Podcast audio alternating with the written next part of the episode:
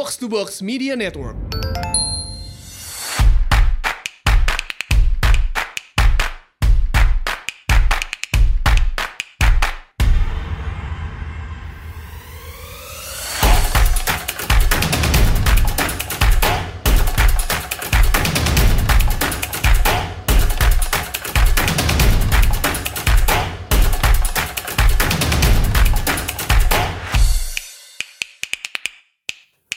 Selamat datang di Asumsi Bersuara dan kali ini kita kedatangan eh, Bang Poltak Hotradero.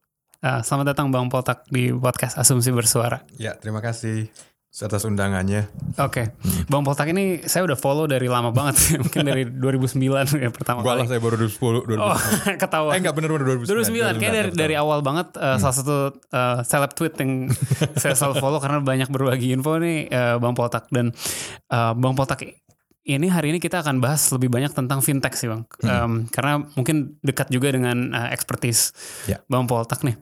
Dan salah satu eh, berita yang belakangan rame beberapa minggu terakhir adalah launchingnya grand launchingnya link aja nih BUM, BUMN eh, em, gabungan dari JV dari beberapa BUMN besar ya Telkomsel, em, BRI, Mandiri bikin eh, anak perusahaan Betul. di bidang payments gitu link aja. Dan sebenarnya udah dari beberapa lama yang lalu mereka udah bisa di download udah mulai eh, promo di mana-mana. Nah sebenarnya mau nanya sih ini kan marketnya udah udah banyak nih pemainnya. Udah ada em, GoPay Ya. udah ada OVO terus ada Dana juga yang gila-gilaan juga promonya. Mm-mm. kenapa BUMN mau ikut-ikutan Oke. Em, pertama kita mungkin harus lihat dulu dari satu sisi. Boleh dikata yang namanya Tikes itu ya nama sebelumnya. Itu sebenarnya sudah jadi pionir, udah lebih duluan. Nah, saya ingat juga dulu ada Indosat juga punya tapi nggak jalan. Nah, jadi sudah lebih duluan dan memang konsepnya pada waktu itu adalah uh, memanfaatkan jaringan. Kita tahu semua perusahaan telco itu pasti akan berusaha untuk meningkatkan revenue, namanya ARPU, average revenue per user. yes Nah, jadi untuk menaikkan itu, jadi harus ada daya tariknya nih ya. Jangan cuma nelpon, apalagi sekarang cuma pakai WhatsApp, cuma pakai internet. Jadi ARPU-nya akan tetap rendah, jadi akan dibuat seperti itu. Jadi memang sudah ada, tapi memang ada beberapa uh, kelemahan-kelemahan lah ya yang memang uh, inherent di dalam desain awalnya, tapi memang juga ada potensi untuk uh, menjadi besar. Dan seperti semua kejadian di seluruh dunia, kalau nggak ada kompetitor ya udah begitu-begitu aja. Iya. Nah, jadi satu yang saya menurut pendapat saya, walaupun tadi yang namanya Tikes itu jadi pionir, perubahan berarti dan menuju lebih berarti itu justru muncul ketika GoPay muncul, kemudian OVO muncul, jadi ada pressure ke arah sana, Dana muncul. Jadi ini sebenarnya sesuatu yang perlu kita sambut. Karena kalau enggak ya begitu-begitu aja. Iya. Nah, kan menjadi evolusi. Nah, tentu jadi pertanyaan sebenarnya Indonesia itu punya bisa muat berapa payment sih sebenarnya Hmm, gitu kan. iya. Nah, ini juga apakah apakah akan jadi saturated atau enggak? Gimana bisa saturatednya atau atau enggak itu jadi pertanyaan. Kalau di China kita tahu ada dua yang terbesar, Alipay dan Iya. Tencent punya kan. Hmm. Nah, dua dua-duanya itu berangkat dari konsep yang sangat sangat, sangat berbeda. Nah, sementara Indonesia kok kayaknya mirip-mirip juga ya. Nah, ini yang perlu kita kita perhatikan. Tetapi kembali lagi, kembali lagi ke kita masukkan fokus ke Indonesia. Sebenarnya yang mau dicapai dari hmm, dari payment ini adalah eh pertama tentu memudahkan orang untuk melakukan pembayaran. Eh, Saya, saya ter- terga- termasuk orang yang fanatik mengenai eh, cashless payment ya. Iya. Eh, saya punya semua tuh, Dana punya, OVO punya, Punya GoPay punya, aja punya, dari Tikes juga punya gitu kan. Nah, jadi punya. Karena apa? Pada dasarnya pada sebuah pada suatu tem- suatu tempat, suatu ekonomi yang s- yang lebih efisien, itu transaksi itu eh, bisa semakin terakomodasi dengan nilai semakin kecil dan semakin cepat. Jadi saya ingat dulu waktu zaman tahun saya dulu kuliah di Inggris tahun 2004 sampai 2005 eh, di mana oh, kita bisa pergi ke warung kemudian pakai kartu kredit kita untuk beli sesuatu yang harganya satu pound sterling Iya. nggak ada biaya tambahan pokoknya sama aja kayak nggak itu terasa sangat nyaman jadi eh, menjadi kebiasaan nah ini makanya membuat menjadikan kebiasaan ini memang juga proses ya tapi saya ingat waktu itu udah pulang dari Inggris kemudian di Indonesia kemudian saya pernah ditegur sama mertua saya gimana sih masa punya dompet isinya cuma 100 ribu? Tapi memang kebiasaan seperti begitu gitu. Jadi jadi Iya. memang jadi bisa saya ngeliat oh iya ya sangat nggak nyamannya pakai cash. Dan saya dan tadi kan eh, bisa nggak ada kembalian kemudian juga term-termnya. Tetapi yang paling penting di sini adalah eh, duit cash itu pada dasarnya sebenarnya adalah cek, cek yang terbitkan oleh bank sentral dalam Iya. ini Bank Indonesia dan lain-lainnya. Jadi pada dasarnya eh namanya duit cash itu sebenarnya eh, lebih primitif ketimbang ledger. Of Tapi ini kita bisa bicara panjang. banyak mengenai Iya, mengenai ini. Tapi kembali lagi, ada satu hal yang sebenarnya eh, menjadi kekuatan, tetapi juga menjadi kelemahannya duit cash. Nah, yang jadi ke, apa kekuatannya itu adalah eh, nggak perlu diajarin orang bisa pakai, Iya. kan? Kemudian nggak perlu alat pendukung dan lainnya. Tetapi juga di sisi lain adalah dia punya kelemahan, dia nggak punya jejak, Hmm. nggak punya jejak, nggak ada informasi yang dihasilkan di situ. Iya. Nah, informasi langsung. Nah, pan- sementara pada di sisi lain, em, kelemahan yang lain lagi yang eh, terkait dengan logistik. Jadi kalau eh, Ray atau teman-teman juga pernah ngerasain waktu zaman dulu kita masuk tol itu harus pakai harus bayar cash. Hmm. Nah, jadi bisa bayangkan yang namanya jasa marga itu harus nyediain kembalian tuh berapa Iya. banyak.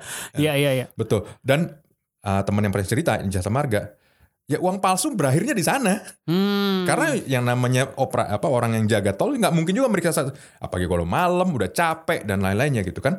Jadi ada inefisiensi logistik dan inefisiensi yang yang sebenarnya juga itu cost bagi ekonomi. Hmm. Nah, jadi ketika sekarang ketika ingat waktu itu mulai kan boleh pakai pakai card kan. Iya. Dan Ya, sekarang wajib. Dan sekarang wajib dan semuanya. Tapi kita lihat betapa efisiensinya muncul. Kenapa? Dulu memang orang proses belajarnya ada yang lupa top up lah, hampir semundur, mundur abis itu pinjem eh, kartu punya orang. Tapi kita lihat ini kecepatan kecepatan transaksinya jadi lebih, lebih besar, bisa dibuka ga- gate-nya lebih banyak, kemudian pengawasan lebih rendah. Dan kemudian seperti tadi, kita bayangkan dari sisi jasa marga. Ya nggak sekarang nggak perlu lagi menyediakan orang yang tiga shift jaga Iya. jaga itu Iya. dan kemudian juga eh, tingkat fraudnya juga akan rendah, tingkat uang dicurinya juga rendah, tingkat uang palsu berakhir di sana juga akan rendah. Itu itu yang bisa dikuantifikasi. Jadi pada dasarnya kalau bergerak ke arah cashless society itu ada ini ada efisiensi yang sangat meningkat. Ada manfaat di situ. Ada manfaat. That's why pemeri- pemerintah melalui anak perusahaannya ini Nah, mau ikutan. Nah, cuman kita agak mundur sedikit ya. Iya. Apa he- apa hebatnya ya duit digital yang cashless tadi? Ada jejaknya. Iya. Jadi- Jadi nggak bisa money laundering. itu itu salah Beda satu lagi. betul tapi jejaknya ini adalah data maksudnya kalau sekarang saya pakai pakai uh, imani misalnya masuk ke jalan tol kemudian habis tap habis itu terus dan jutaan orang pakai hal seperti itu itu kalau misalnya di sisi jasa marga itu akan ada catatan Iya. catatan berapa densitasnya orang tuh bas orang itu pengeluarannya berapa kemudian habis itu dari jarak tempuh rata-ratanya berapa masuk di gate mana keluar di gate mana keluar kira-kira di mana ya walaupun kalau jalan lingkar lingkaran dalam iya, kolam iya. kota nggak kelihatan ya tapi tapi volume itu kenal dan itu informasi yang sangat-sangat berharga Jadi pencatatan uang beredarnya itu juga jelas. Jadi Akan sangat jelas. Uang Dan- ini muternya ke mana aja. dan perencanaan perencanaan perencanaan Iya. perencanaan juga akan meningkat. Nah, jadi kalau seperti tadi kita kembali pertanyaannya, apakah nambah dengan ada link aja ini juga sesuatu yang jadi positif? Menurut Saya positif Hmm. karena hanya dengan adanya link aja maka yang namanya GoPay, OVO, Dana akan selalu terpacu bahwa mereka harus keep up nih. Jadi persaingan selalu Persaing- bagus. Betul, persaingan selalu bagus. Jadi the more the merrier. Hmm. Apakah empat ini cukup? Rasanya sih eh, mendekati cukup Mendekati juga. mendekati cukup. Maksudnya seperti tadi bahwa eh, kalau cuma ada dua biasanya tadi kita alam, alamin lah seperti Garuda lawan Lion. Iya. Tapi Oh, itu kalau ada di episode kita yang lain juga. Iya. nah, tapi kalau udah tiga, empat, lima mungkin tapi kesian yang pemain terakhirnya karena dia susah untuk capture. Iya, iya, pasar yang lain. Tapi kalau saya pikir empat ini saya rasa sudah cukup memberikan variasi Oke. dan sebenarnya payment hanya bagian kecil dari total ekosistem uh, fintech. fintech. Bang, tapi mereka si Link aja ini mungkin bersaing gak sih? Maksud maksud saya gini, um, GoPay sama OVO di backing perusahaan-perusahaan besar, Hmm. uh, ya kan? Uh, don- Dana juga apalagi Alibaba. Ya. Terus um, mereka semua kalau kita sekarang melihatnya mereka masih fase bakar duit lah ya di mana-mana Hmm. diskon berapa persen, bro, diskon berapa persen itu semua di di absorb oleh si perusahaan-perusahaan itu dan akhirnya Link aja harus kayak gitu juga. Sementara Link aja ini kan anak perusahaan BUMN kan mau sampai kapan dia harus di di apa ya? Har, iya maksudnya mungkin gak sih BUMN itu menaruh segitu banyak uang untuk ya mensubsidi makanan kita sehari-hari. Siap aja mereka write off. Hmm. Pertama itu satu persiapan secara akuntansinya write off. Nah, kemudian tinggal dengan sebenarnya begini mungkin sih duit akan- negara loh itu. Ya apa bedanya sama duit kita juga kan? Iya, maksud- Mungkin sama-sama nggak boleh dibakar juga Tapi kan? kan kalau Hmm. GoPay kan bukan duit kita, maksudnya itu duit Betul, investor kan. betul. Nah, maksudnya ini kan investornya kita gitu. Nah, kalau karena begini pada dasarnya, hmm, mungkin yang perlu dijelaskan kalau dikatakan eh, bakar duit itu sebenarnya nggak benar-benar bakar duit. Oke. Jadi kalau memang benar bakar duit ya bakar duit aja beneran atau pergi ke jalan sana bagi-bagiin Iya, iya, iya. kan. Nah, tetapi sebenarnya apa sih yang dilakukan itu? Kenapa kenapa dilakukan subsidi? Karena jadi kan se- sebenarnya subsidi kan. Ya. Subsidi itu adalah daya tarik agar orang mau menukarkan informasi dirinya dengan sejumlah insentif uang.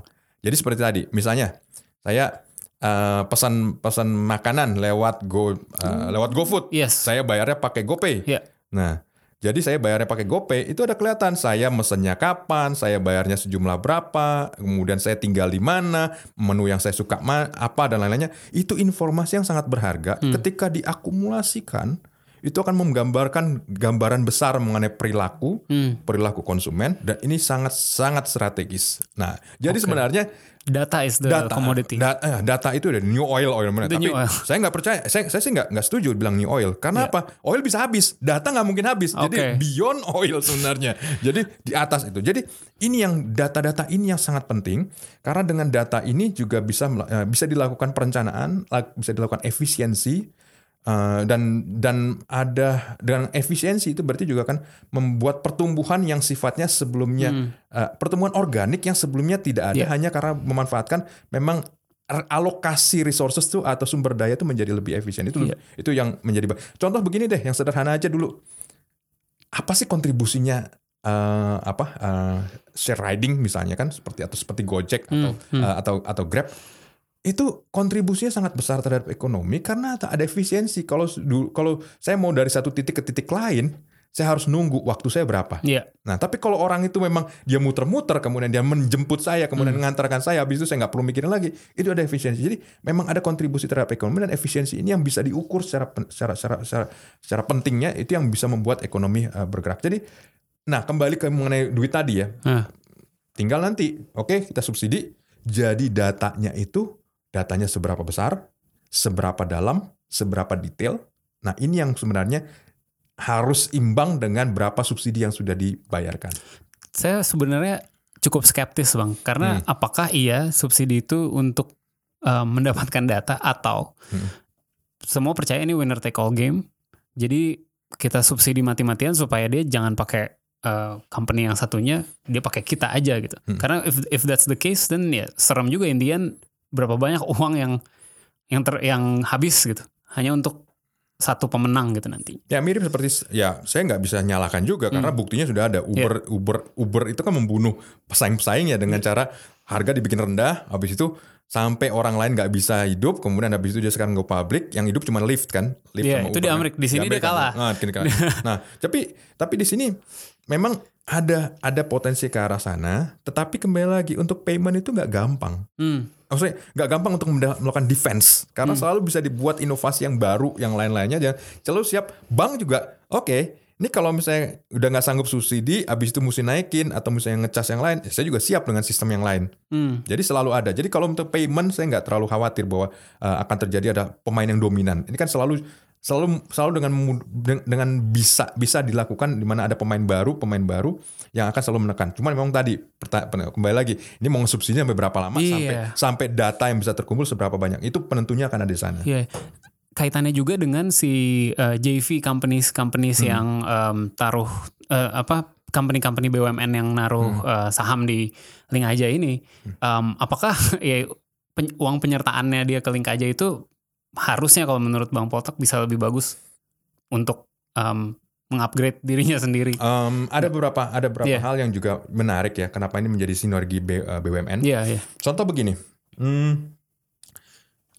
link aja jadi nyebut merek. Nah, Tapi tadi kan- saya nyebut merek. Iya.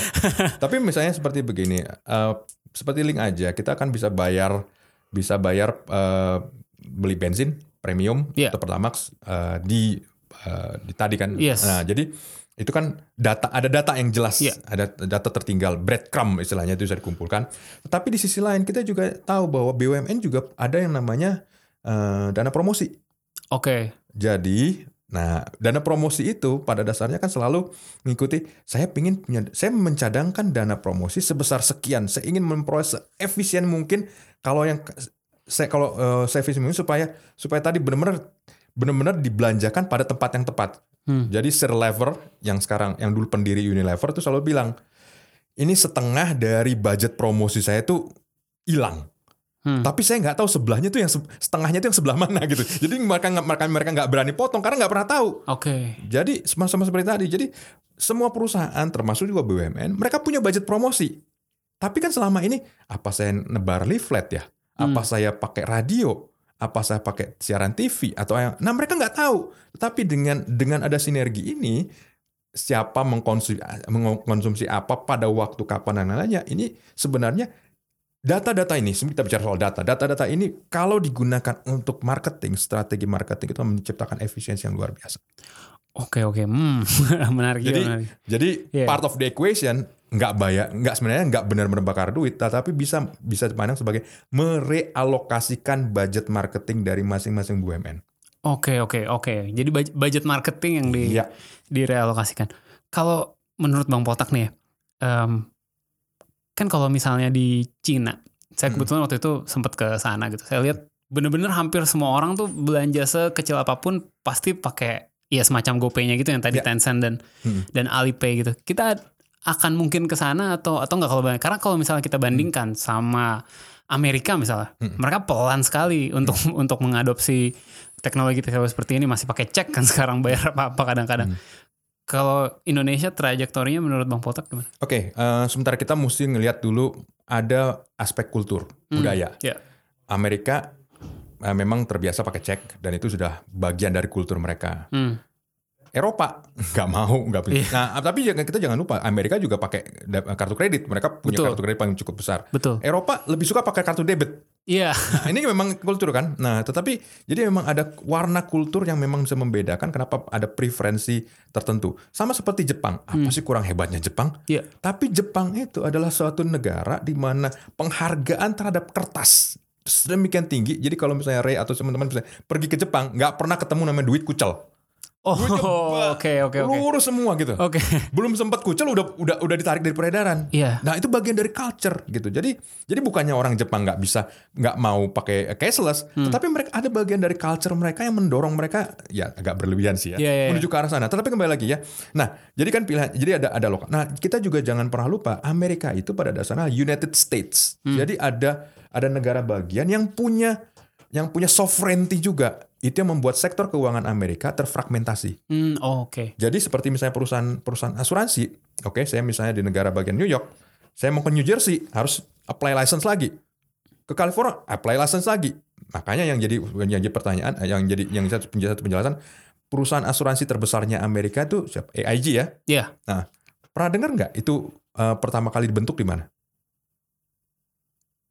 Kalau boleh guess, Hmm. uh, ed- educated guess, ya New York lah, enggak ya? Enggak. Dari mana tuh? Shanghai. Hah? Bingung kan?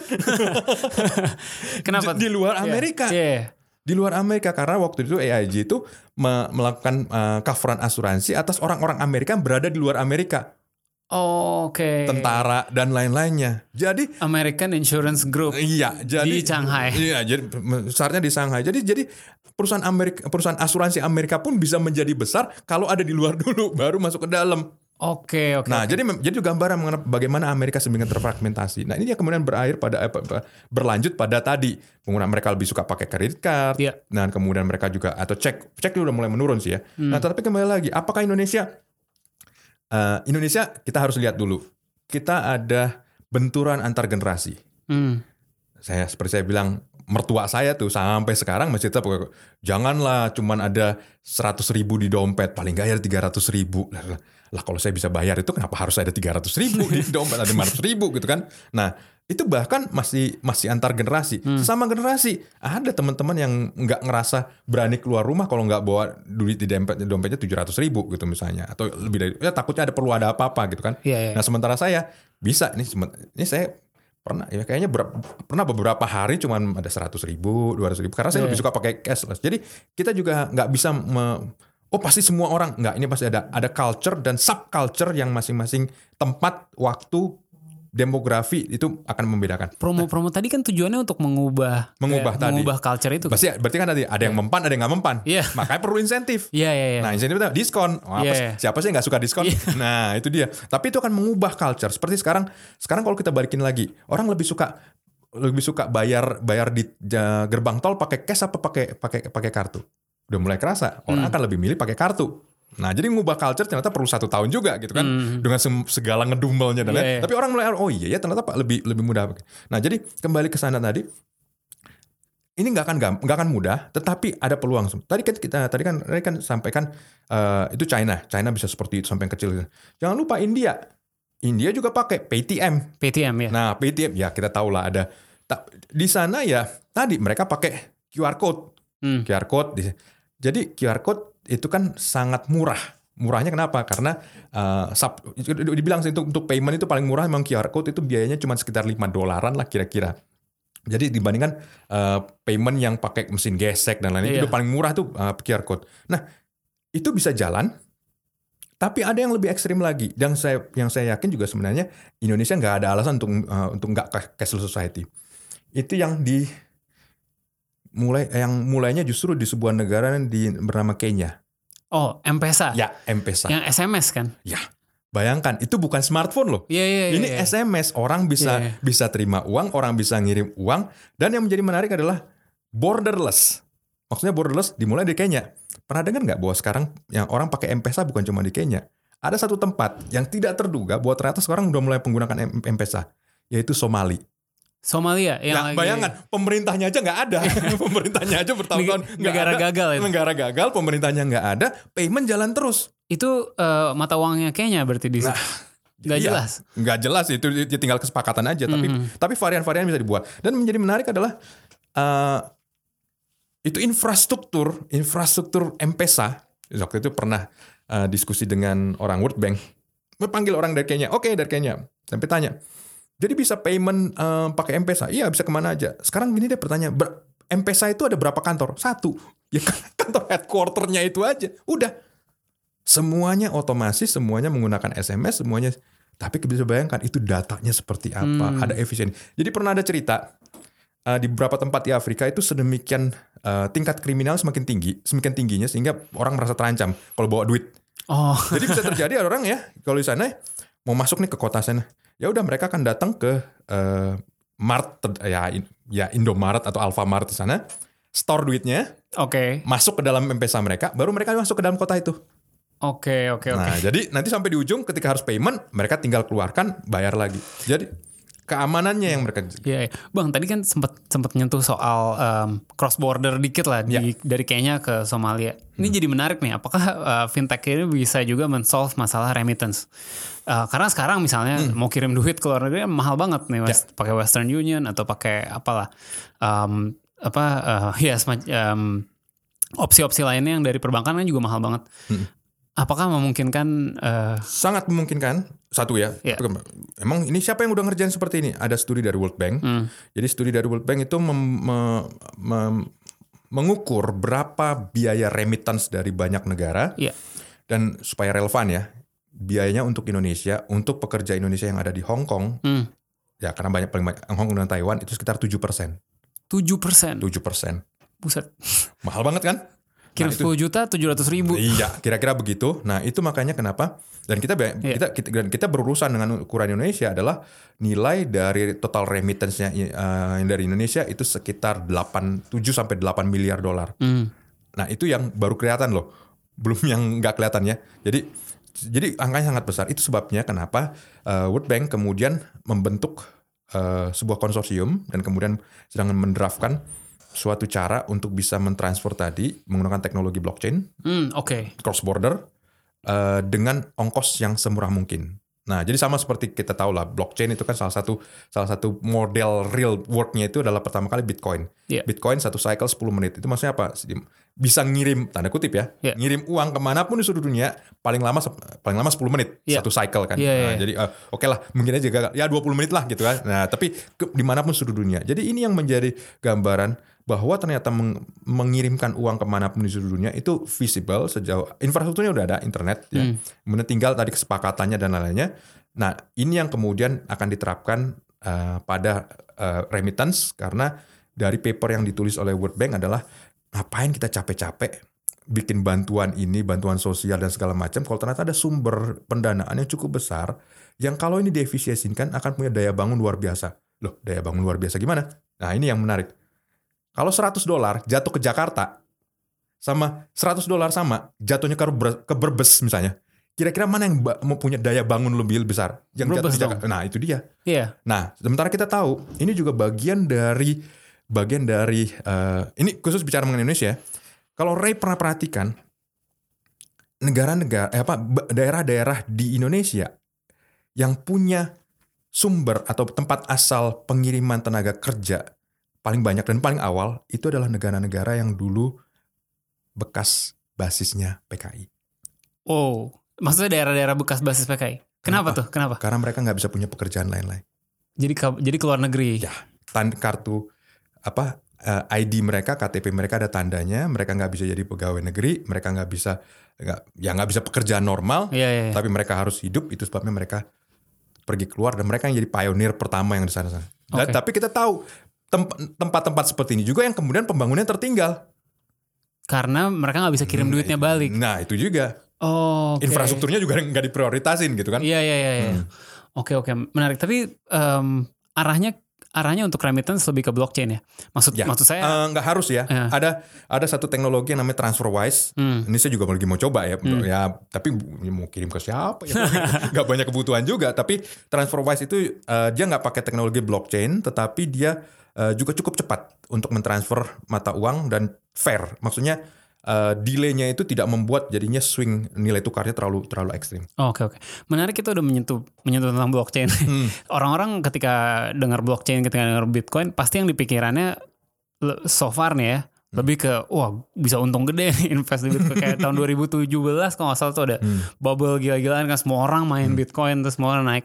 Tapi sebenarnya mungkin Bang Potak juga kan ada expertise di bidang ini nih. Boleh coba ceritakan dikit dong. Sebenarnya aplikasi-aplikasi yang yang berguna dari blockchain itu Oke. apa sih sebenarnya buat kita sehari-hari gitu? blockchain itu sebenarnya eh, kulminasi dari banyak komponen terkait dengan enkripsi dan transfer dan lain-lainnya verifikasi yang juga cukup panjang. Hmm. Jadi itu mulai dari tahun 1960-an. Jadi udah mulai berkembang, berkembang seiring komputer. Jadi masing-masing potensi masalah itu udah. Di- Makanya muncul eh, Satoshi bikin paper kan, Iya. walaupun orang nggak pernah tahu nih Satoshi siapa kan.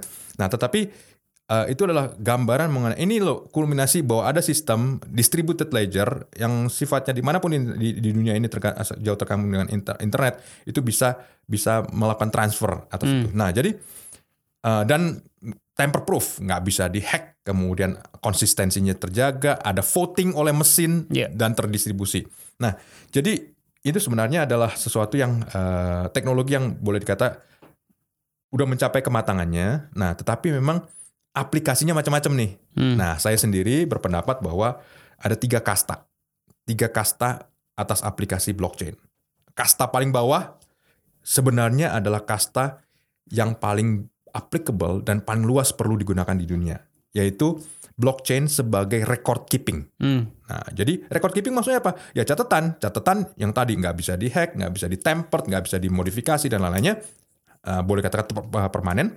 Nah, dan bisa diakses oleh banyak orang. Jadi orang punya keyakinan untuk itu. Nah, yang bisa masuk dalam eh, dalam eh, kriteria ini, record keeping ini adalah pertama misalnya land ownership, pemilikan tanah. Nah, ini khusus mengenai pemilikan tanah di Indonesia, kita kan serahkan ke BPN kan? Iya. Sekarang pernah nggak kita bertanya itu catatannya kayak gimana ya? Di atas kertas. Lantas kalau pejabatnya ganti, siapa yang ngeverifikasi cat- catatan itu verifikasi verified apa enggak? Hmm. Ternyata pada waktu krisis tahun 98 itu banyak sekali tanah satu bidang tanah punya banyak sertifikat diagunkan pada bank yang berbeda-beda. Oh, sengketa di situ. Akhirnya yang terjadi adalah hmm, pengadilan oh nggak tahu ya ya ini mana yang benar. Pokoknya keputusan pengadilan aja. Jadi BPN-nya juga lepas tangan. Ya udah putusan pengadilan aja. Ah, Bayangkan. pemerintah pun nggak segitunya bisa Ba- dipercaya untuk Nah, ya balik lagi Iya. pemerintah daerahnya juga bertingkat-tingkat kan, Iya, iya, kepentingan berbeda-beda. Nah, jadi kembali lagi record keeping ini kalau misalnya ini dibangun atas teknologi blockchain punya manfaat yang luar biasa bagi eh, bagi masyarakat. Sekarang kan pemerintah dalam ini presiden kan bikin bagi-bagi sertifikat kan, Iya, tapi kan masih on paper kan. iya. Nah, bisa nggak misalnya dibuat eh, ini sifat, sifatnya seperti itu. Jadi orang bisa tahu siapa punya tanah di mana, ukuran berapa. Ketika orang mau beli pun dia yakin bahwa saya berurusan dengan orang yang memang benar punya, bukan orang yang ngaku-ngaku punya gitu kan. Nah, jadi bisa dilakukan verifikasi. Nah, ini yang menjadi penting. Makanya tadi yang paling penting record keeping. Record keepingnya apa kan bukan cuma pemilikan tanah. bisa record keeping kependudukan, Hmm. record keeping kesehatan, demografi, kemudian kejahatan atau ya tadi misalnya pelanggaran lalu lintas. Kadang-kadang lucu saya seperti Indonesia ya. Dulu saya pernah oh saya lahir dan besar di Bandung, bikin SIM di Bandung. Ya, kemudian pas pindah ke Jakarta merantau habis itu saya mau bikin ap- ya pakai SIM Bandung masih bisa. Ketika habis, saya mau terusin. Oh enggak, harus bikin baru. Loh, masa nggak bisa sih ngambil data yang dari Bandung? Ini cuma Bandung Jakarta. Nggak bisa. Harus bikin, harus dibangun dari bawah lagi. Saya bilang, lah kalau misalnya hanya SIM saja seperti begini, lantas gimana polisi bisa nangkap penjahat kalau misalnya jaringannya nggak ada gitu Tapi kan? apa perlu blockchain untuk itu? Ya, Bukan tadi. bu- bukankah ya simply asal datanya terintegrasi antar antar da- Masalahnya ada yang punya kepentingan nggak untuk untuk ngubah Ngubah datanya? data. Nah Ah. itu dia kan. Jadi maksudnya walaupun si data BPN tadi misalnya terpampang di Hmm. website atau apa, tetap aja so- somebody can change Ya. it dan orang nggak ada yang tahu Kuncinya ada- siapa ya. Iya. Oke oke Bang Poltak menarik banget nih kita udah ke mana-mana nih tapi Hmm. em, sekarang udah lebih dari 30 menit em, dan udah banyak banget pertanyaan dari warganet Oke. ya. yang eh, terkait fintech ini. Sebenarnya kita tadi baru baru nyentuh bagian payments Uh, banyak dan, nih, dan blockchain dikit, tapi padahal fintech ini kan spektrumnya Luas luas, kan. sekali kan. Ada ada ada lending, ada um, switching segala macam. Hmm. Ini mungkin bisa beberapa pertanyaan eh, akan mungkin mengadres itu, Bang. Hmm. Langsung aja ini kita satu dari at Yudistirop. Apakah masa depan banking di fintech atau gimana? Mungkin lu- saya agak kurang paham pertanyaannya, Oke, tapi kalau saya hubungan boleh fintech dengan Iya. Oke, gini, kita mulai dengan fintech dulu ya. Iya, Siapa yang akan didisrupsi oleh fintech? Ada banyak. iya, Yang pa- tapi gambaran pertama yang paling cepat bereaksi pasti bank betul, perbankan. betul. Nomor dua paling cepat bereaksi itu adalah capital market. Iya. Nomor tiga adalah asuransi.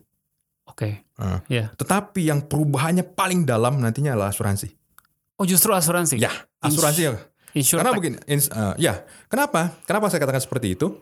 Karena asuransi itu sekitar 25% cost-nya itu berasal dari biaya agent. Iya, Dan kita tahu banyak orang yang punya banyak orang punya punya masalah dengan agent Hmm, karena tadi agent ya ya mereka bertindak karena sesuai dengan insentifnya. Hmm. Ya, saya dapat premi, eh saya bukan saya, saya dapat komisi. Jadi pokoknya kepentingannya komisi aja terus. Nah, jadi tapi juga perusahaan asuransi pun butuh itu. Nah, jadi sekitar 25%. Jadi kalau misalnya eh, masalah dengan financial technology ini terhadap asuransi itu bisa di bisa, bisa hanya dengan nge-bypass agent. dengan nge-bypass agent pertama orang akan punya bayar pre- bayar, bayar premi lebih murah. Karena struktur biaya asuransi Betul, berkurang betul, 25% tadi. Betul. Nah, kemudian perusahaan asuransi juga bisa melakukan berinvestasi dengan lebih baik karena mereka nggak nggak khawatir ke- gampang terdisrupt. Iya. Nah, jadi itu contohnya. Jadi banyak bisa dimungkinkan ke depannya adalah micro insurance. Hmm. Micro insurance micro insurance itu bisa ya saya mau pulang eh, semua mau ke, mau mau berangkat ke Bandung naik kereta api Eh, kalau saya ada ke apa-apa berapa ya bayar asuransinya? Ya 5.000 perak dengan coveran kira-kira satu miliar. Hmm. Ah 5.000 perak duit kecil. Udah saya beli deh. Sekali jalan. Iya. Nah, betul sih ada aja mungkin akan kecelakaan, tetapi kalau misalnya dengan populasi semakin banyak, ini akan akan ada coveran yang sebelumnya nggak ter nggak akan bisa tercover karena tadi harus ada eh, tul- surat surat menyurat, tulis on paper dan lain-lainnya, administrasi yang biayanya sangat besar, sementara preminya sangat kecil, Iya. coverannya terbatas. Siapa yang mau meriksa itu gitu? Nah, asuransi akan menjadi salah satu salah satu uh, industri, yang terdisrupt secara signifikan oleh fintech dan kita akan menemukan yang sangat berbeda. Itu sebabnya kenapa Victor Lee, anak Eli Kasing, Hmm. bikin FWD. Oh, oke. Itu adalah perusahaan asuransi totally online, nggak ada nggak ada semuanya digital. Iya, iya, iya. Oke, oke, oke. Lee Ka-shing ini orang terkaya di Asia itu Di, ya? di- Dulu. ya di Hong Kong. Di ya, Hong ya. Kong. Iya, iya, iya. Oke, oke. Wah, menarik, menarik, menarik. Kalau bank tapi malah justru nggak terlalu malah menurut Bank pertama kan mereka ba- bank itu sebenarnya begini.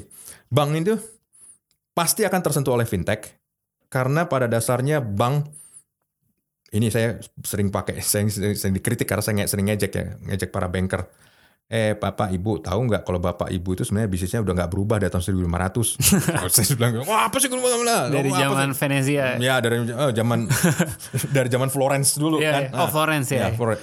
Jadi eh karena pada dasarnya perbankan kita itu masih secara tradisional tatap muka, kemudian habis itu on paper dan lain-lainnya.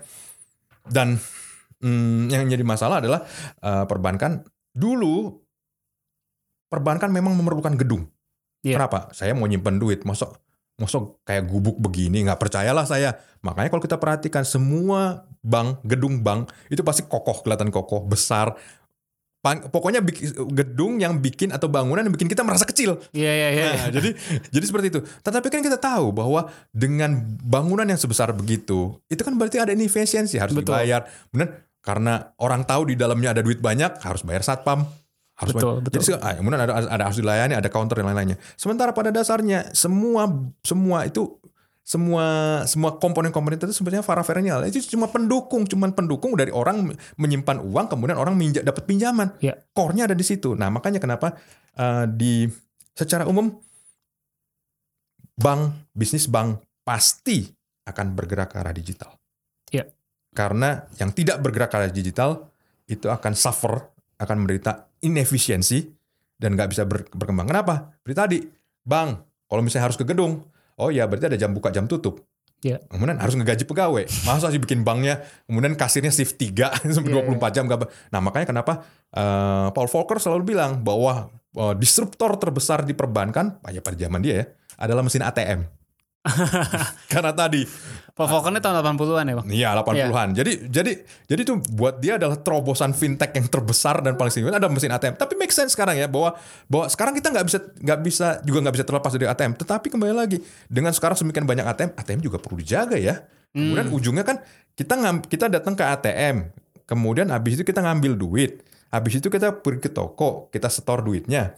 Toko terima duitnya, serahkan barangnya, kemudian habis itu duit numpuk di toko. Tokonya ngapain? Pergi ke bank, Pergi masukin nyetor juga. Lah, kalau kayak gitu kan round trip kan. Muter, iya, nah, iya. berarti ada inefisiensi. Kenapa Iya. nggak bayarnya secara elektronik aja? Iya, iya. Jadi kalau misalnya nanti ber- ba- ba- apa, ba- bayar secara elektronik, bank nggak perlu lagi punya ATM, nggak perlu punya kantor cabang dan lain-lain. Kebetulan di rumah eh, asisten rumah tangga saya baru saya bukain ya saya saya bujuk ya supaya buka eh, rekening eh, rekening bank digital.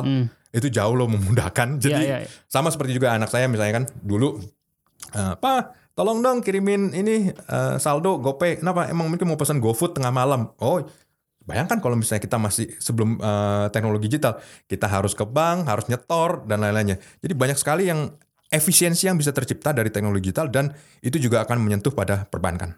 Oke oke oke. Bang kita lanjut pertanyaan berikutnya. Ya, silakan. Eh, ini dari ini Bang Potak udah janjikan untuk Hmm. untuk eh, Jawab. ba- jawab nih dari Bara. Hmm. Naiknya dana yang tersalur melalui fintech sebesar 700% dari Ya. 2017 ke 2018. Apakah pertanda fintech sudah aman atau sebaliknya risikonya justru semakin tinggi? Itu satu. Terakhir, jumlah investor di pasar modal naik 44% dari 2017 ke 2018. Eh, kira-kira mengapa di sisi lain ada bagian buruknya nggak dari kenaikan ini? Yang Oke. pertama dulu deh. Yang pertama. dulu. Iya. Karena base-nya terlalu rendah. Mulainya kan kecil banget kan. Iya, jadi iya, untuk iya. jadi tujuh kali lipat ya gak. Gampang. Nah, tetapi kalau kita bandingkan fintech yang ada di Indonesia Hmm. dibandingkan dengan sistem perbankan kita ya belum ada apa-apanya. Iya iya. iya. Oke ya, oke. ya kita misalnya seperti tadi kan eh, loan ya di perbankan kita Ya. itu sudah bicara soal ribu triliun. Iya iya iya. Nah, sementara ini ya masih ratus triliun juga belum gitu. Iya. Jadi masih masih jadi memang basisnya sangat dari dari basis yang sangat rendah kemudian belum makanya dia bilang 700%. Saya juga bilang ya 1000% itu juga nggak heran mulainya dari kecil gitu kan. Iya. Nah, jadi jadi itu itu bagian dari pendewasaan. Nah, um, mulai mature-nya market. Nah, kemudian pertanyaan nomor dua, Eh, banyak tentu banyak hal yang bisa diatribusikan terhadap tadi pertumbuhan investor. Apakah memang pertama eh, berkat kampanyenya BI Hmm. bisa Satu hari satu IPO. Ya, bukan. enggak, Oh, bukan, bukan. bukan. Karena kita juga nggak sanggup. gitu. Tetapi maksudnya eh, kampanye mengenai eh, apa eh, em- eh, apa, nah, nah, eh, Nabung apa ya? nabung saham, Nabung saham. seperti gitu. iya. Bisa seperti itu walaupun kita harus lihat juga decayingnya seperti seperti apa derajatnya. Tapi bisa juga di sisi lain memang eh, kalau melihat Indodex misalnya ya. Indodex ini Bitcoin. Ya, Bitcoin yang- exchange. bin- eh, crypto, crypto, Iya, karena- crypto eh, exchange, crypto, crypto exchange. Dalam waktu 3-4 tahun bisa punya sat- di atas 1 juta nasabah. It means itu berarti dan kebanyakan dari mereka ada mahasiswa. Pertama, mahasiswa kita eh, kayaknya sudah mulai punya punya ide bagaimana cara menghabiskan waktu mereka dengan lebih baik. Zaman saya dulu tahun 90-an sampai Iya, tahun 96, kalau yang namanya mahasiswa punya banyak waktu tapi nggak punya banyak uang. Ya, ya. Nah, cuma kalau misalnya dulu pergi kerja juga, ya kerja sambilan. Tapi kalau misalnya lagi benar-benar banyak waktu ya, kita ngabisin waktunya dengan cara main gaple sampai pagi. Iya, iya, Nah, iya. seperti sekarang yang saya juga eh, dapat informasinya, banyak eh, banyak aktivitas yang terjadi di pasar kripto itu berasal dari mahasiswa. Hmm. Ya, memang duitnya kecil, tapi Iya, iya. mereka punya waktu buat Iya, iya. swing 10%, 5%, 3%, habis itu besok lainnya bisa. Jadi jadi sama seperti itu. Ini memang waktunya memang ngepas dengan demografinya. Hmm. Jadi seperti kembali lagi kalau misalnya seperti eh, eh, crypto exchange bisa sampai satu juta nggak pakai promosi dan nggak pakai segala macam, ya pertumbuhan yang terjadi di investor ya sesuatu yang wajar. Harusnya bisa-bisa aja. Bisa-bisa aja. Oke, lanjut bang. Dari Reza Sugiarto. Hmm. Sejauh mana batasan data pribadi yang boleh diolah sama fintech? Nah ini kalau saya baca threadnya, Hmm. ini menarik karena ada kaitannya juga ke credit scoring kan. Ya. Jadi credit scoring perbankan itu kan masih konvensional banget gitu. Saya dulu pernah kerja di bank, itu kayak wah hanya berdasarkan Tetap muka, da- tatap muka, paperwork. data demografi, kamu tinggal di rumah apa di apartemen kayak gitu-gitu kan. Nah, gimana menurut? Oke, saya akan akan masuk ke eh, ini sesuatu yang selalu saya sampaikan ketika saya ngajar di LPPI, Iya. Lembaga Pengembangan Perbankan Indonesia. Hmm. Bapak Ibu, eh, Bapak Ibu, eh, para branch manager bank, bankir, eh, tahu mengenai nasabah Bapak Ibu dengan cara gimana? Oh, mereka kan ngisi formulir. Hmm. Oh, ngisi formulir. Tahu yakin isinya bener apa enggak dari mana? Mereka kan kita ada fotokopi KTP-nya. Kita samain, ada tuh yang di Oke, Dari KTP. Berarti udah identitasnya udah udah jelas seperti itu. Ya. Nah, sekarang kita bayangkan bahwa eh, kita coba bayangkan bahwa op- rekening tersebut dibuka lima tahun yang lalu. Nah, Hmm. yakin nggak datanya masih relevan? Wah nggak tahu ya, tapi kan kita tahu duit keluar masuknya. Betul. Sekarang begini, lima tahun yang lalu misalnya orang itu bilang masih bujangan. Yakin nggak masih bujangan sekarang? nah, Apalagi KTP Oh. sekarang seumur hidup. nah apalagi seumur hidup kan seperti itu. Nah, masih bujangan. Jangan-jangan malah udah cerai. Iya. Nah, sementara sebenarnya sisi lain, wah ya nggak tahu ya. Kalau misalnya dulu sudah menikah, sekarang punya anaknya berapa? Anak satu, anak dua, nggak punya anak, anak lima. Nah, sekarang saya maka saya katakan waktu itu, saya, saya sampaikan kepada para- Sekarang Bapak Ibu bayangkan, bagi bank sendiri, orang yang sudah menikah, yang nggak punya anak, yang punya anak satu, punya anak lima, punya anak tujuh, resikonya sama apa nggak? Oh pasti beda dong. Yang tinggalnya dekat, eh, apa? Yang tinggal jarak tinggalnya, zona rumahnya itu sama apa nggak? Pasti beda. Yang pindah-pindah kerja, yang gajinya nggak naik-naik? Nah sekarang bayangin, bank nggak tahu mengenai itu. Sementara Gojek lewat GoFood Udah tahu persis- semua. tahu saya tahu ya mereka tahu saya tinggal di mana saya saya ngantongnya Iya, di iya, mana iya. saya pesennya apa kapan Traveloka tahu saya tuh kapan saya Pergi ke mana? pergi ke mana nginepnya di mana ngak ya sensitif terhadap diskon apa enggak dan lain-lainnya jadi kembali lagi kredit scoring itu menjadi sangat penting ketika itu digunakan untuk memprediksi ini resikonya akan seperti apa jadi saya sampai bilang bapak ibu hati harus hati-hati loh sekarang bisa bayangkan misalnya Gojek tuh tahu tuh di mana warung orang Indonesia sekarang lagi sukanya makan apa. Iya iya iya iya. Nah kalau dan mereka tahu, uh, oke misalnya tiba-tiba, oh pisang goreng madu Bu Nani, oh kebetulan dekat rumah saya ya, Iya iya. itu dulu tuh cuma satu satu satu satu ruko, Hmm. sekarang enam ruko, Hmm. antri semua. Nah sekarang jadi growth pertumbuhannya seperti itu, Gojek tahu. Sekarang Gojek gimana? Jadi gini deh, saya salurkan kredit aja. Hmm. Saya tahu itu tumbuh. Iya. Paymentnya juga pakai GoPay. Iya. Jadi istilahnya maka eh, kalau misalnya Gojek itu berubah menjadi perusahaan fintech lewat GoPay, saya berani bilang semua perusahaan-perusahaan itu sebenarnya arahnya ke arah fintech.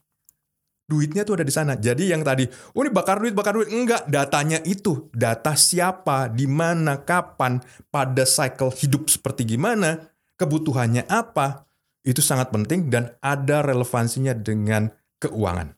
I see, I see, I see. Wow, menarik, menarik. Bang, ini ada satu pertanyaan lagi. Eh, masih banyak sih pertanyaan. Eh, Imanur Rahman, kira-kira fintech dan perbankan syariah bakal survive nggak? Ini kayak dua pertanyaan berbeda, tapi Hmm. mungkin ada nggak kemungkinan fintech syariah gitu? Why not? Sebenarnya kembali lagi kan, Hmm. ini kan kembali lagi masalah efisiensi. Hmm. Dan kita ngelihat bahwa eh, keuangan syariah juga punya masa depan, punya Hmm. captive market yang Iya. tersendiri. Dan saat ini yang menjadi masalah adalah mm, niche ini, niche market ini mm, kebanyakan masih dihuni oleh atau masuk berdal dalamnya orang-orang yang sifatnya tradisionalis. Iya. Nah ini akan sulit berkembangnya. Nah, jadi kalau memang ada orang punya aspirasinya saya ingin keuangannya syariah, ya kalau dimudahkan, bisa dimudahkan, kemudian resikonya bisa lebih terpola, lebih jelas, tetap, dan tetap komplek pada pada uh, prinsip keuangan syariah, ada ruang buat bertumbuh. Oke, oke. Karena kembali lagi antara perbankan konvensional sama non konvensional aja udah ada persaingan kan. Nah, jadi antara keuangan syariah dan yang keuangan elektronik yang sifatnya syariah itu juga akan menjadi perja- persaingan. Dan ini adalah bagian dari efisiensi atas ekologi keuangan yang terjadi. Saya jadi penasaran kalau kalau pandangan Bang Potak terhadap pertumbuhan em, keuangan syariah di Indonesia kayak apa? Apa bisa seperti kayak misalnya di Malaysia gitu yang sangat em, kelihatannya ya sangat advance gitu.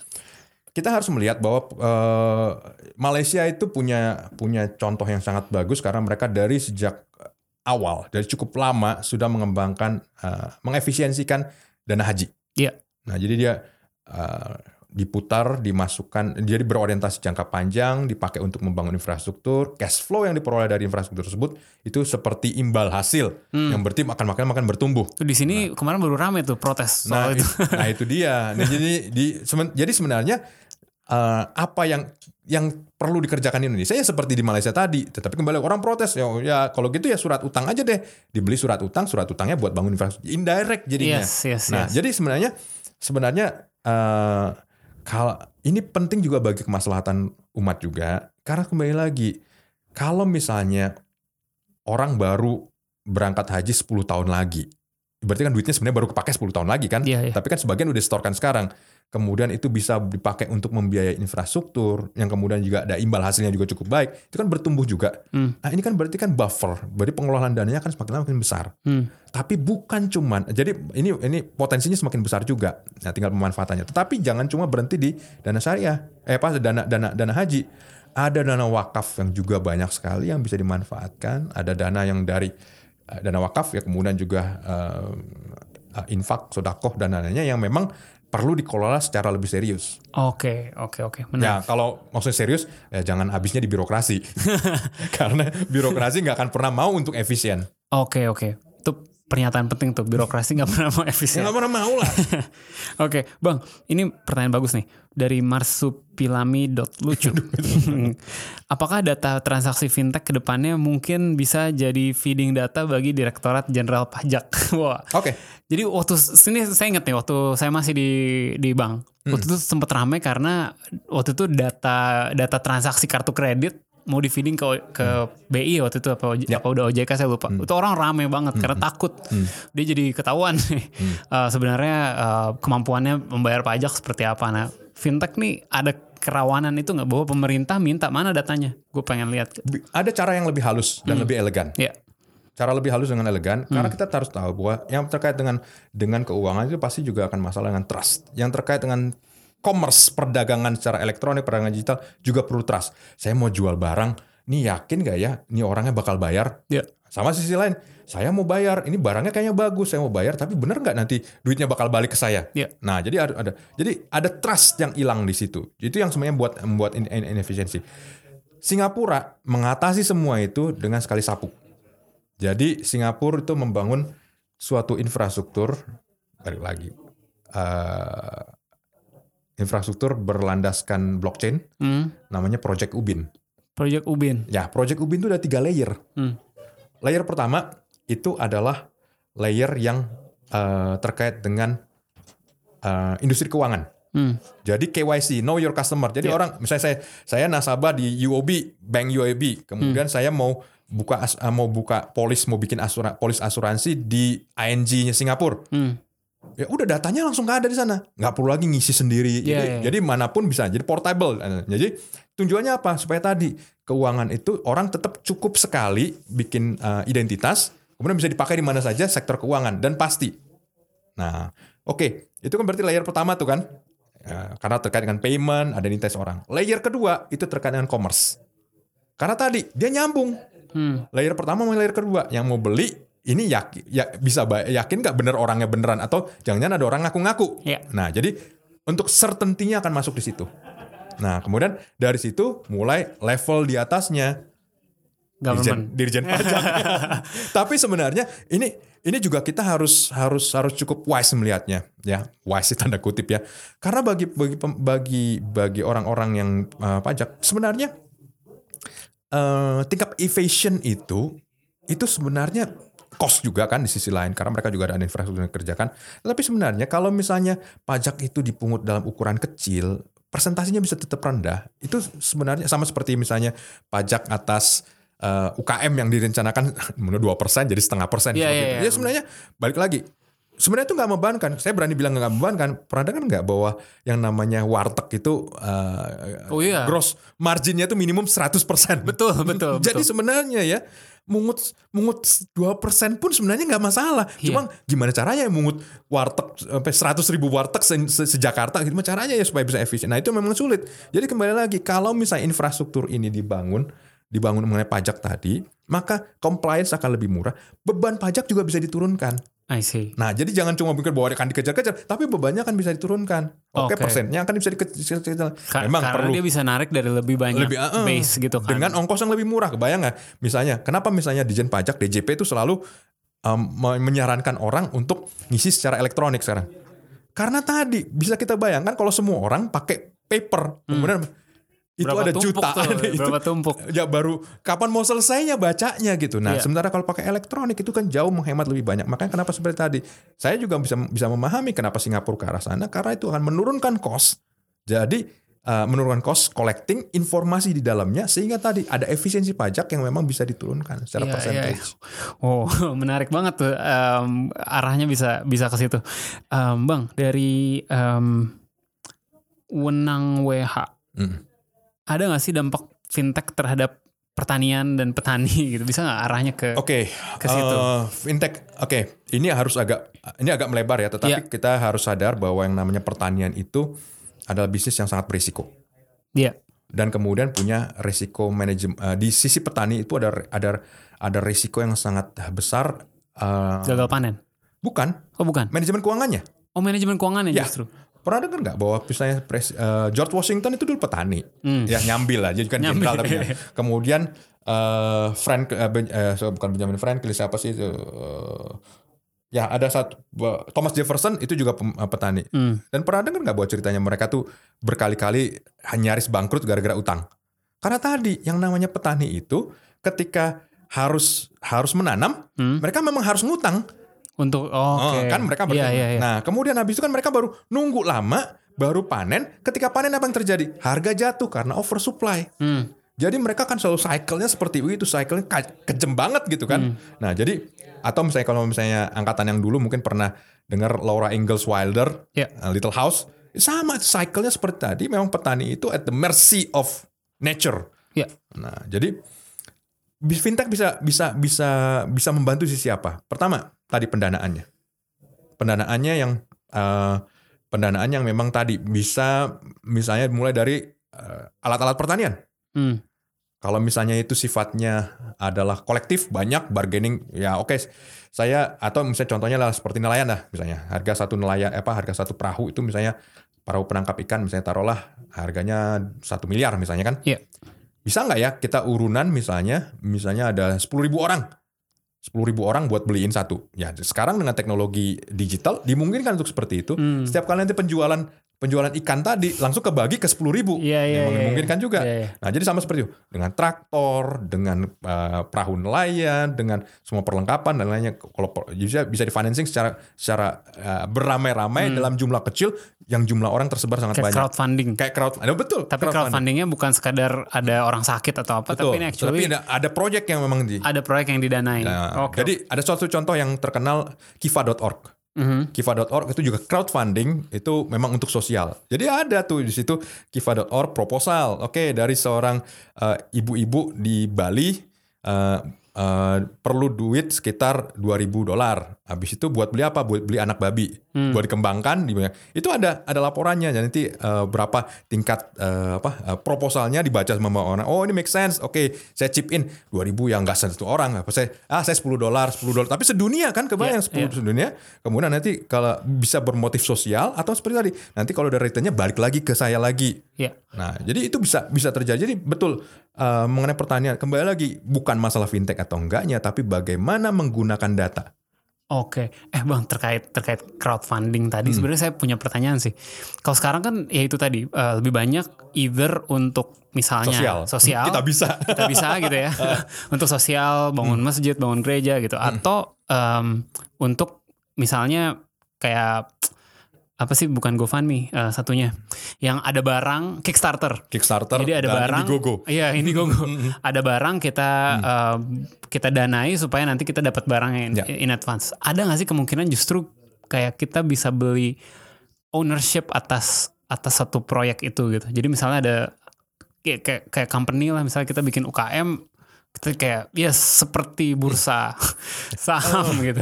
Tapi Oh, mungkin crowd- belum sampai ke sana Iya, iya, ya. iya. tapi eh, yang namanya Kickstarter itu sudah ada Kickstarter yang sifatnya equity. ya equity maksud saya itu. Ya, Hah, jadi equity. ya. eh, saya punya, saya bikin warung, eh saya bikin bikin toko toko roti, Iya, ah. toko roti. Kemudian eh, anda eh, kalau mau bantu saya buat funding, saya perlu sebesar sekian. Nanti imbal hasilnya akan sebesar sekian. Tapi memang tadi ada catatannya. Tapi ya kalau misalnya saya bust, Bust ya tutup udah, ya bye. udah, Bye-bye. Eh, ya bye bye. Iya. tapi dari awal udah udah disampaikan. Jadi kalau seperti tadi yang saya katakan tadi ya, ibu-ibu di Bali tadi yang Hmm. butuh 2000 dolar buat beli anak babi, kemudian buat dikembangkan, buat beternak babi seperti tadi. Sama seperti tadi yang namanya yang namanya toko roti seperti tadi, ketika dia butuhan dananya taruhlah tadi 2000 dolar, ketika yang kontribusi itu 10.000 orang saat sedunia misalnya, ya berarti cuma apa? Cuma setengah, cuma setengah dolar gitu kan? Ya. yang se- se- yang yang ba- bagi banyak orang ya ya kalau bangkrut ya bangkrut ya nggak apa-apa saya cuma hilang setengah dolar tapi kalau misalnya ini ternyata berjalan dan naik ya mungkin dari setengah dolar tadi yang saya saya crowdkan mungkin bisa dapat satu dolar Wih, itu udah return 100% loh Iya, iya, iya. bisa dapat 60 dolar wow return 10 ya 20 persen 70 jadi skalanya bisa dapat kembali lagi tapi paymentnya Iya. Nah ini gimana sih cara cara bisa meng- mengalokasikan membayarkan nilai u- uang kecil seperti ini di seluruh dunia dengan nah itu makanya Itu kenapa harus blockchain. Gak harus sih sebenarnya nggak gini prinsipnya nggak semua yang bisa pakai blockchain harus pakai Oke, blockchain. ini penting nih. Soalnya blockchain suka jadi buzzword. Ya, Banyak itulah. orang kayak, oh ini put this, put this on the blockchain, put this on the blockchain. Padahal nggak jelas. Ya.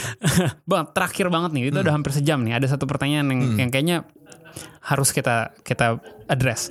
Dari Joe Arifiando 92. Apakah sudah ada aturan terkait uh, fintech lending termasuk menetapkan acuan? Menurut saya sih itu satu, tapi penting juga aturan terkait fintech in general. um, apakah sudah ada dan harusnya seperti apa sih? Oke, fintech itu di Indonesia Hmm. sering disalah misapropriasikan karena yang paling bagian yang paling terkenal di Indonesia dibilang fintech itu adalah peer to peer lending. Betul. Padahal tidak semua peer to peer lending adalah fintech, tidak semua eh sorry, tidak semua fintech adalah peer to peer lending. Betul, nah, betul, jadi betul. kita harus hati-hatinya sebenarnya. Dan yang paling kontroversial memang selalu peer to peer lending. Iya. Saya akan mundur mengenai sejarahnya peer to peer lending. Peer to peer lending pertama kali muncul ada di Inggris. Hmm.